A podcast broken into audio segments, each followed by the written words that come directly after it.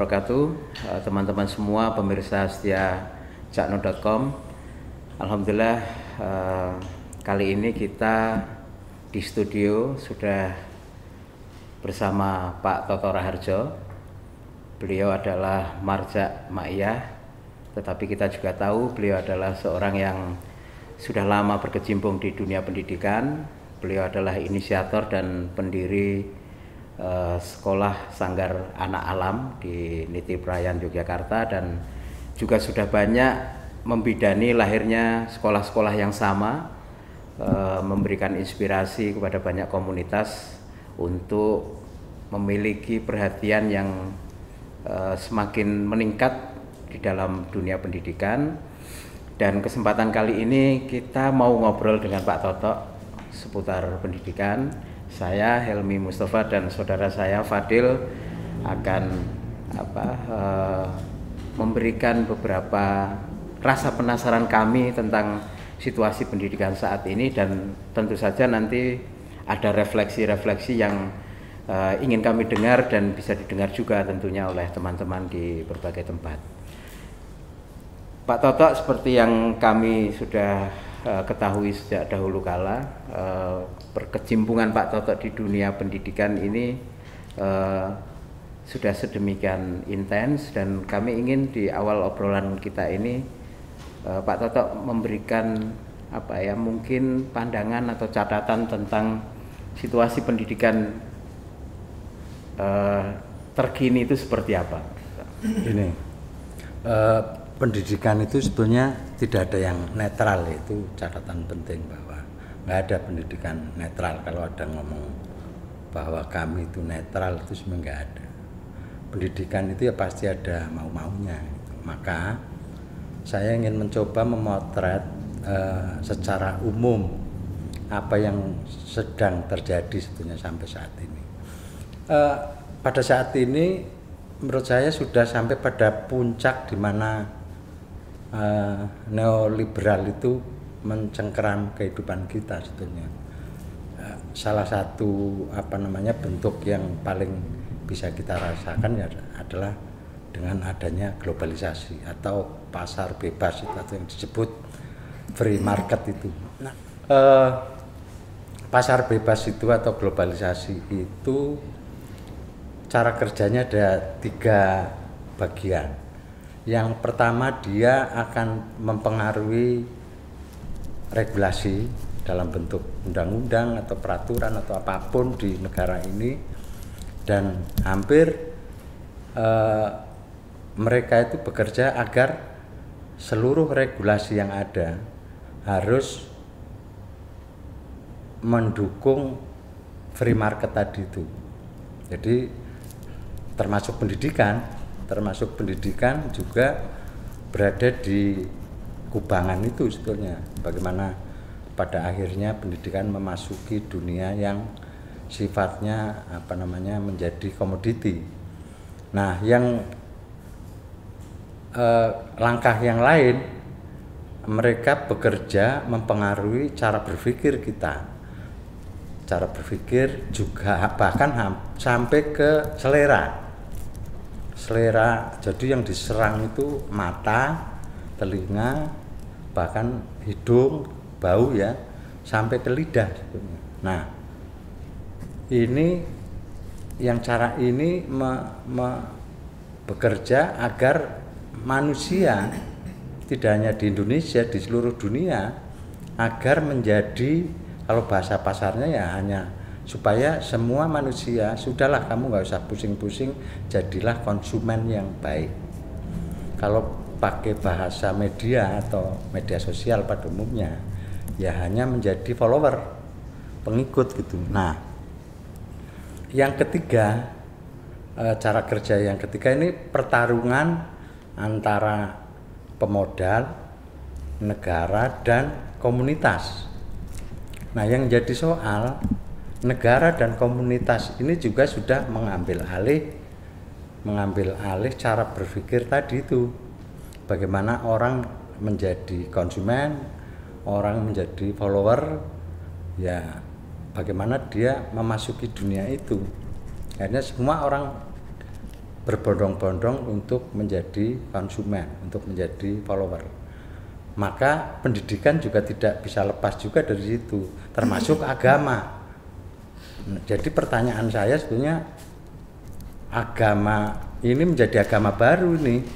Bahkan agama-agama yang ada juga diam-diam tidak disadari juga memeluk agama globalisasi ini atau free market ini. Jadi kira-kira begitu nah.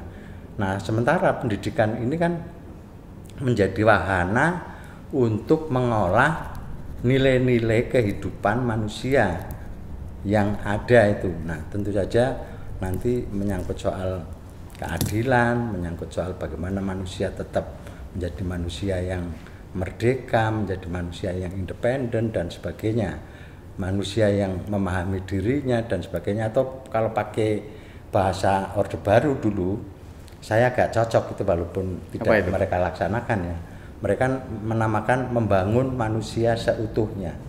Jadi menurut saya ini sudah tidak utuh lagi karena orang hanya dijadikan penjalan-penjalan ah, hanya dijadikan konsumen dan hanya dijadikan follower gitu loh. Kira-kira itu artinya apa? Kalau dirinci gitu Pak, situasi yang terjadi seperti itu uh, apa saja sih yang bisa kita sebut sebagai itu berke, berkebalikan dengan apa yang uh, apa semestinya dengan pendidikan tadi itu? Nah, yang semestinya kan orang-orang atau manusia yang ada atau masyarakat mestinya dia akan menyelenggarakan sebuah pendidikan itu kan sebenarnya interaksi nih, sebuah interaksi, sebuah relasi kehidupan di mana uh, seluruh pendidikan kan sebenarnya isinya ada tiga sebetulnya kan. Ada orang harus memahami apa atau ingin memahami apa. Yang kedua, yang kedua adalah bagaimana manusia terampil apa atau bisa apa. Nah, yang ketiga adalah sikap sebetulnya Nah, sikap ini berkaitan pada nilai-nilai berkaitan pada prinsip sebenarnya pada prinsip kehidupan sebetulnya. Nah, jika jika tadi seluruh kehidupan ini sudah di-create oleh aparatus globalisasi itu, nah ini kan semua hampir banyak orang itu tidak menyadari berbondong-bondong ke sana gitu loh. Padahal mestinya pendidikan itu ya mengcreate apa yang nilai-nilai yang mestinya di, diperkuat di dalam dirinya.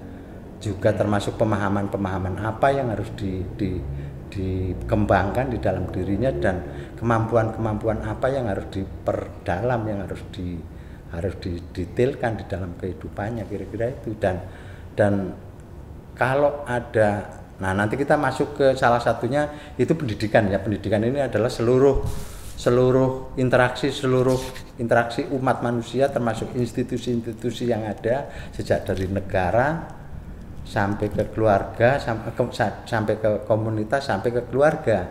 Nah intinya kan sebenarnya nggak ada saya sebut di depan tadi nggak ada yang netral. Harusnya negara ini juga punya visi. Visinya apa sih? Ketika orde lama dulu di undang-undang pendidikan itu jelas bahwa tugas pendidikan itu adalah membangun masyarakat sosialis. Nah, ini sosialis jangan disalahartikan yang yeah. aneh-aneh itu ya. Sosialis yang saya pahami adalah bagaimana membangun kehidupan bersama sebetulnya. Nah, atau sebenarnya yang paling tepat itu bahasa Jawa. Apa itu? Itu bebrayan. Nah, itu agak beda ya bersama dengan bebrayan. Nah, ini inilah sebenarnya tugas pendidikan untuk mengkreat itu yang diterjemahkan dalam rangka untuk me, memperkuat pemahaman maupun kemampuan-kemampuan apa yang yang harus diperkuat di dalam dirinya.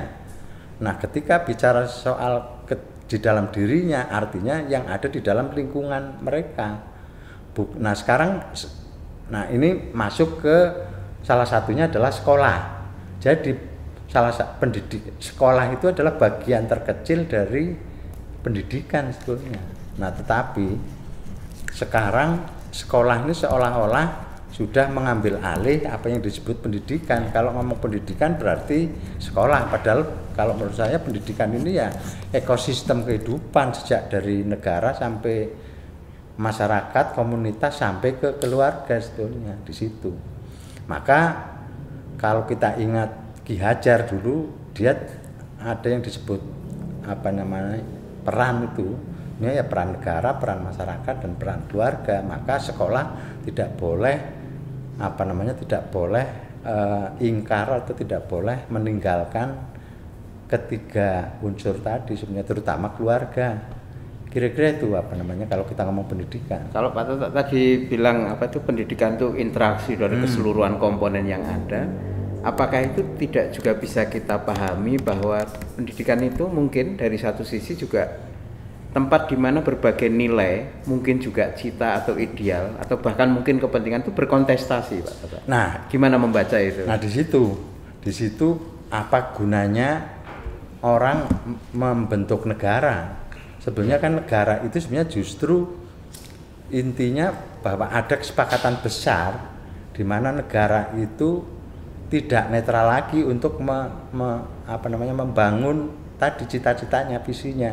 Nah, visi itu kan isinya juga ada salah satunya nilai-nilai. Nilai-nilai apa yang mau di di di apa namanya mau dikembangkan di dalam kehidupan ini dan sekarang walaupun negara ini malu-malu tetapi sebetulnya sesungguhnya kalau kita melihat cara kerja globalisasi tadi sebenarnya negara juga sudah menjadi bagian dari cara berpikir globalisasi tadi.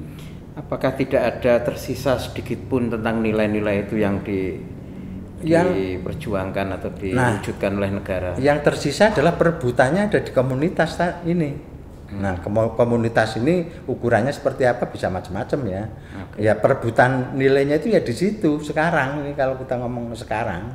Kalau kita mau ngomong pendidikan sekarang ya sebenarnya merebut nilai-nilai merebut ruang di dalam komunitas karena negara sudah sudah punya sudah punya nilai sendiri yang yang yang agak berat kalau kita mau melakukan atau mau mengubah atau mau mempengaruhi cara berpikirnya negara gitu. Komunitas ini yang Pak Toto maksud itu apa misalnya contoh-contoh yang mungkin bisa diberikan? Ya kalau saya ya di di di Sanggarana Alam ya di situ ada komunitas yang terdiri dari orang tua, fasilitator ya guru dan anak itu sendiri dan juga seluruh orang yang terlibat di dalam penyelenggaraan proses belajar di Salam ya kalau di Ma'iyah mestinya ya ya di situ komunitasnya di mana-mana kan ada di di berbagai tempat. Nah seberapa jauh komunitas ini mencoba untuk me, mendinamisir atau kalau pakai bahasa politik ya merebut nilai-nilai sebetulnya. Ini perebutan sebetulnya perebutan nilai-nilai.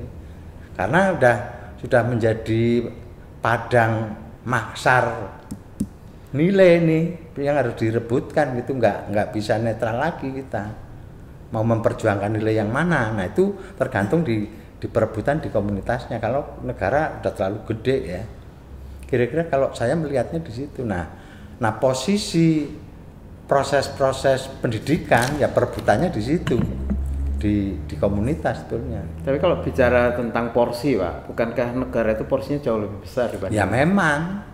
Tetapi porsi yang lain kita kekuatannya kita langsung tidak remote control. Kalau negara kan masih remote control. Ya. Manusia hanya menjadi angka-angka di di di sebuah departemen udah nggak punya nama lagi. Tapi kalau kita di komunitas itu masih masih ketemu orang di situ ketemu manusia ketemu ketemu artinya bisa berinteraksi bahkan lebih jauh punya apa namanya korelasi di situ gitu perebutannya di situ